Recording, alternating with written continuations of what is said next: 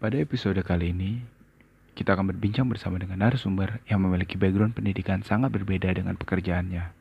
Bicara tentang passion, sehingga kita tidak lagi terjebak menjadi mesin atau hanya sebagai budak korporat biasa.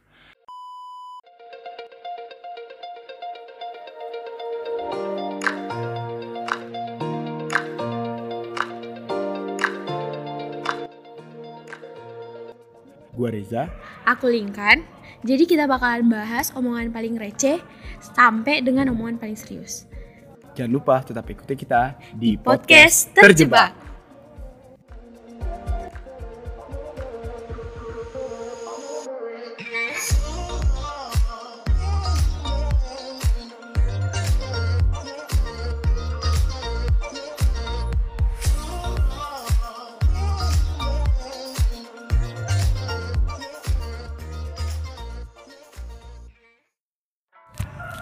Podcast Terjebak. Nah, Mas Eja, Mas tuh sebenarnya jurusan apa sih?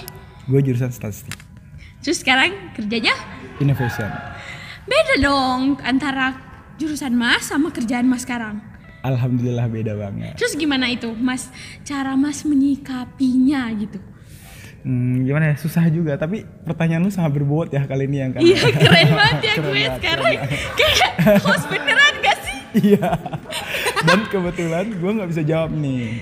Jadi terus siapa yang bisa jawab? Kebetulan gue udah bawa temen gue nih yang saat ini terjebak menjadi budak korporat 2019. Astagfirullah. Kita tanyakan Kita langsung tanya ya. apa backgroundnya. Terus gimana dia cara dia menjalani sebuah tantangan, rintangan pekerjaan? Halo teman-teman, apa kabar? Gue Harry, gue terjebak di kuliahnya apa, kerjanya di mana. Dulu gue kuliah di IKIP Bandung, tapi nggak tahu kenapa sekarang gue kuliah di industri teknologi. Gimana perasaannya beberapa temen gue ngerasa bahwa gue tersesat di jalan yang benar karena pada akhirnya mereka mengakui bahwa nggak peduli lu jurusannya apa, selama lu dedikasi pada pekerjaan lu, lu sebetulnya nggak literally terjebak. Jadi eh, kayaknya lu nggak usah minder, nggak usah merasa bahwa lu berbeda dengan yang lain. As long as lu punya dedikasi dengan pekerjaan lu sekarang, apa pun backgroundnya, itu lu akan diapresiasi. Aku, Oke. aku mau nanya boleh ya? Boleh.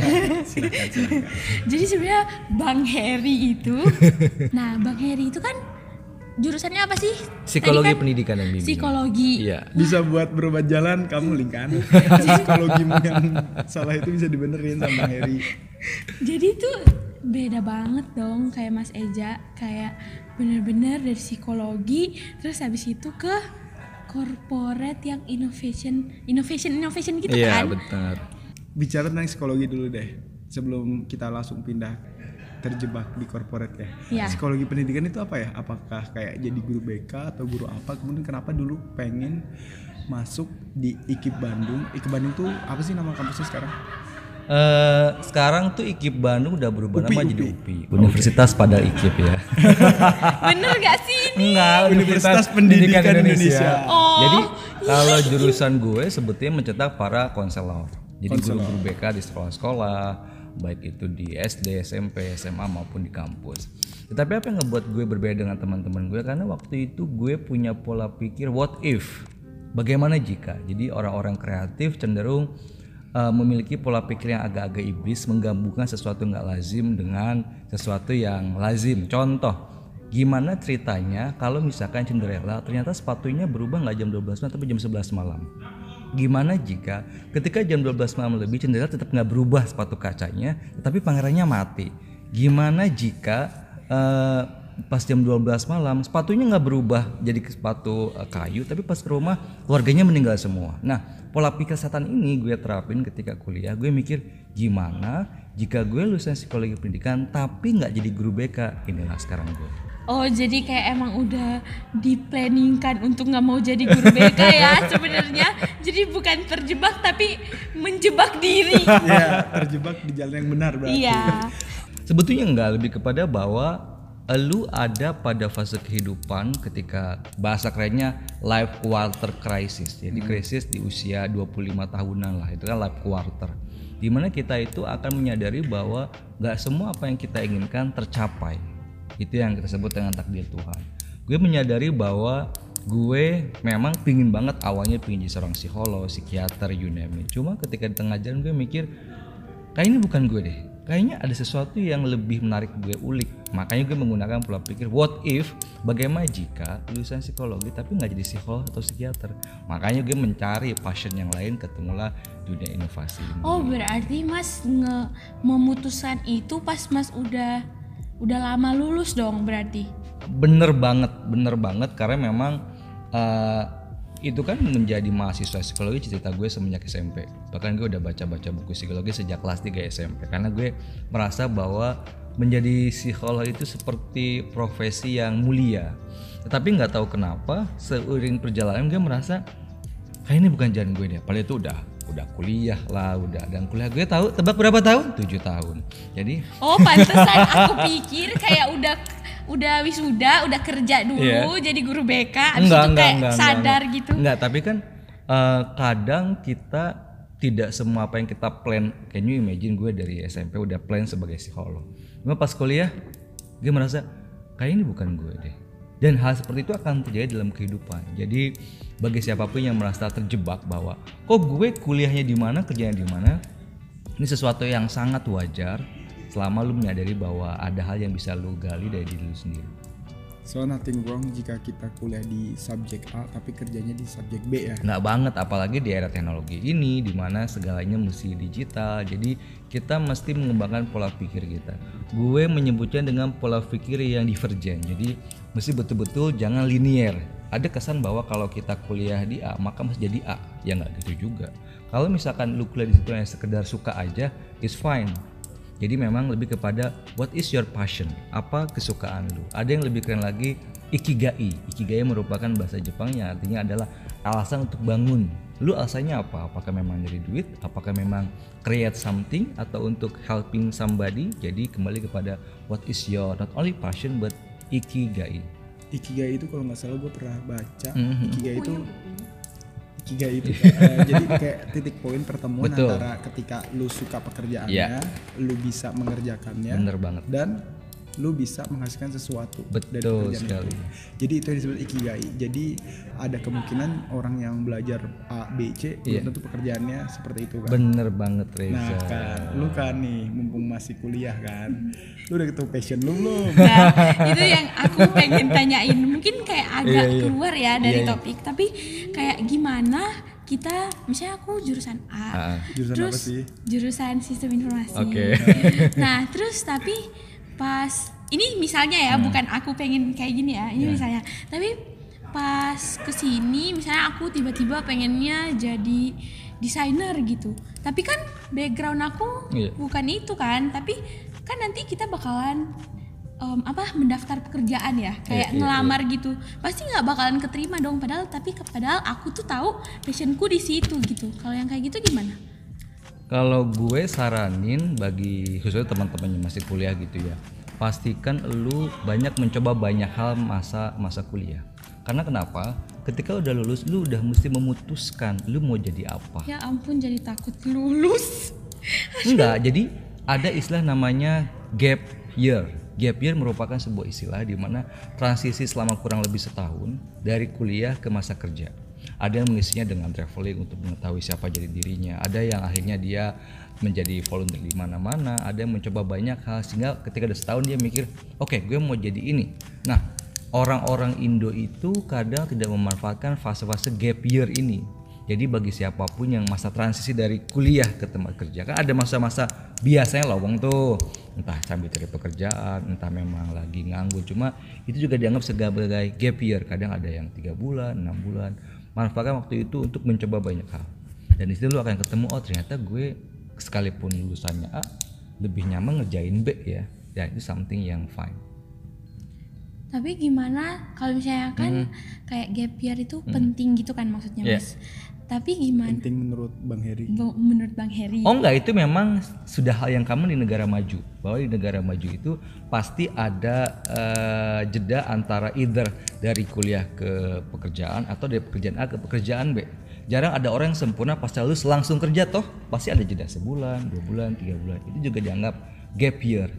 Karena kan ideally orang dari kelas satu kelas 2 kelas 3 tanpa ada jeda tek tek tek tek cuma karena hidup kan nggak ada yang sempurna kadang ada selak-selak sebulan dua bulan yang kosong itu yang dianggap gap year dan isi saat-saat itu untuk banyak mencoba banyak berbuat sehingga akan ketemu oh ternyata gue sukanya adalah di bidang ini Tapi gimana sama orang-orang yang Hmm. mikir kalau misalnya ada gap itu antara kita abis kuliah Iya. terus abis itu Kerja kita gitu ya? kita cuma nganggur gitu, Iya, iya. itu tuh kayak jadi menurunkan kualitas kita Iya. kan ada yang mikir Iya, kayak betul. gitu. Jadi kayak kayak kita malas-malesan dulu baru kita cari kerja. Itu gimana? Kan aku sebenarnya aku tuh bingung gitu mau ngelanjutin langsung kerja apa aku liburan dulu kan gitu tapi kan biasanya kalau liburan dulu orang-orang tuh mikirnya kan kualitas kita jadi turun gitu kan Oke oke. Kalau menurut gue ya bang ya. Iya. Jadi mohon maaf. sekarang enggak enggak. Soalnya gue kayak orang yang gap year-nya itu setelah wisuda itu cuman eh, 12 hari habis itu langsung kerja. Oke. Tapi gue tarik mundur gap year-nya. Jadi tiga tahun awal gue emang udah padetin tuh kuliah, Hmm. udah mulai skripsi. Jadi di ada seta- ada setengah tahun gitu yang gue cuman mikirin skripsi. Padahal Hmm. skripsi udah gue selesaiin di awal Eh, ya semester 7 lah gue Hmm. udah selesaiin. Jadi gue punya satu semester lowong di semester 8 tapi Itu- status gue masih sebagai mahasiswa karena gue itu gap year dong sebetulnya. Itu dimaksud dengan gap year Eh. lingkan jadinya gue masih berstatus mahasiswa tapi sebenarnya gue gap year. Nah di setengah tahun itu gue di situ traveling Iya. da- cari teman baru ke tempat-tempat yang asik gitu.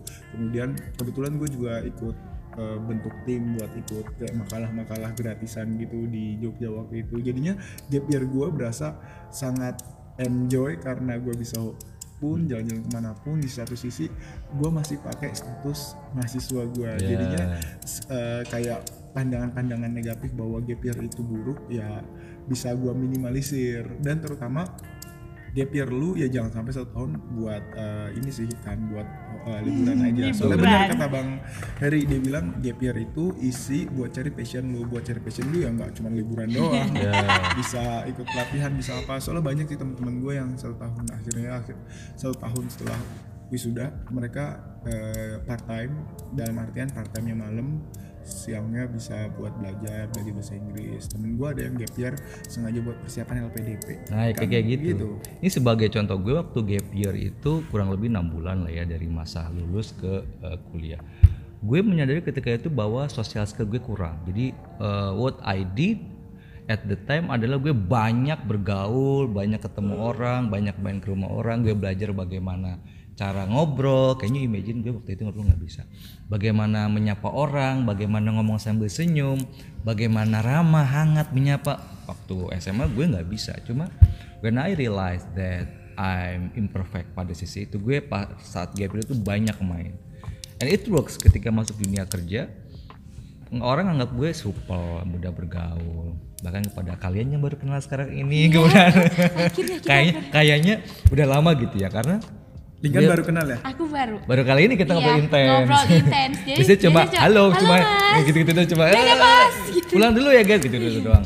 Karena gue belajarnya waktu gap year itu. Jadi eh, manfaatkan gap year untuk ngembangin diri lu eh, dan jangan hanya buat senang-senang aja karena itu waktu yang sangat bagus buat nemuin siapakah diri lu, apa kesukaan lu sebenarnya, apa tujuan hidup lu dan hal yang lebih filosofis.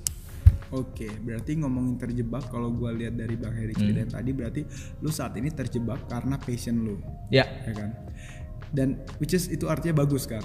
which is bagus karena menurut gue adalah gue teringat dengan Steve Jobs bahwa kita nggak bisa nyambungin titik-titik kehidupan pada apa yang belum terjadi tapi yang sudah terjadi. Misalkan gue kuliah di psikologi nih kuliahnya tujuh tahun pula. Udah gitu eh, ada jedanya pula berapa bulan, dari eh, lulus ke kuliah. Udah gitu akhirnya gue di sekarang di dunia teknologi. Gue kadang mikir ini maksud Tuhan apa ya? Cuma ketika kita connecting dot dot di sini dot di sini di sini gue baru sadar oh ternyata Tuhan ngebuat gue kuliahnya tujuh tahun kemudian di psikologi. Di kerjaan gue ini sangat mematangkan gue menghadapi ujian hidup yang kalau gue nggak kuliah psikologi gue nggak bisa ngadepin kalau kalau gue nggak kuliah di psikologi kayaknya nggak akan ada di Telkom ini sebagai Jadi sebagai informasi Wah, tanpa- udah nyebut merek tadi, Bapak. Oh, nggak apa-apa kan? Nanti gua kasih bunyi Oke oke oke. Jadi sebagai informasi bahwa jabatan gue itu belum pernah ada sebelumnya dalam sejarah Telkom. Startup Community Engagement dia 2017 baru ada hingga orang mikir siapa ya orangnya. Kemudian sampai- Apa apa itu? Apa apa tadi? itu merupakan posisi di mana kita sebagai community manager how to maintain community startup yang punya Telkom miliki yang bagi connect dengan startup community yang di luar sana. Gue mikir begini, kalau misalkan gue nggak pernah kuliah di psikologi, kayaknya dan gue bisa ngeblend dengan dunia teknologi dan terciptalah profesi baru ini, kayaknya gue nggak akan pernah ada di sini. Jadi gue mencoba mengkonektingkan dot-dot tadi sehingga gue berpikir oh memang Tuhan sudah nyiapin dengan rapih. Tinggal kita nyambung nyambungin aja connecting dot. Itu sih. Jadi pada akhirnya lu hari ini itu udah disiapin oleh Tuhan sedemikian rapi tinggal kitanya positif sama dia bahwa ya inilah takdir jalan lu. Just believe bahwa ini merupakan takdir terbaik yang sudah Tuhan gariskan. Dengan cara connecting dot. Oh gue tujuh tahun ternyata memang lagi disiapin. Karena berapa tahun yang akan datang gue akan bekerja di perusahaan besar ini yang tantangannya berat profesinya baru jabatannya baru belum pernah ada dalam sejarah Telkom. Dan gue tertempanya tujuh tahun itu. Jadi gue yang oh ini ya Tuhan maksudnya buat gue tujuh tahun. Oh ini ya sebabnya kenapa gue tidak jadi guru BK oh ini ini ketika lu sambung-sambungin relevan. Jadi you are on the right track selama you believe bahwa Tuhan pasti akan ngasih yang terbaik. Oke, udah nyebut merek nih tadi, nyebut salah satu BUMN Indonesia. Nyebutnya apa tadi? Telkom Indonesia. Ternyata Bang Heri kerja di Telkom Telkom Indonesia. emang kalian kerja di mana sih Kebetulan ada. kita masih Kita masih merahasiakan. Oh gitu ya. oh sosok misterius ya kalian ini ya Enggak sebenarnya Linkan ini belum kerja sih. Kan aku masih sebenarnya masih anak magang. di perusahaan apa namanya Ada lah itu pokoknya. Sa- setipe lah sama Oh, iya, iya, Bang iya, Heri itu iya, sebenarnya perusahaannya. Kompetitor, kompetitor. Kompetitor, oh, kompetitor. ngeri ngeri ngeri ngeri ngeri. Berani yang ngundang gue ya kalian. Ya kita pengen tahu dari sisi kompetitor Oh, iya. seperti apa.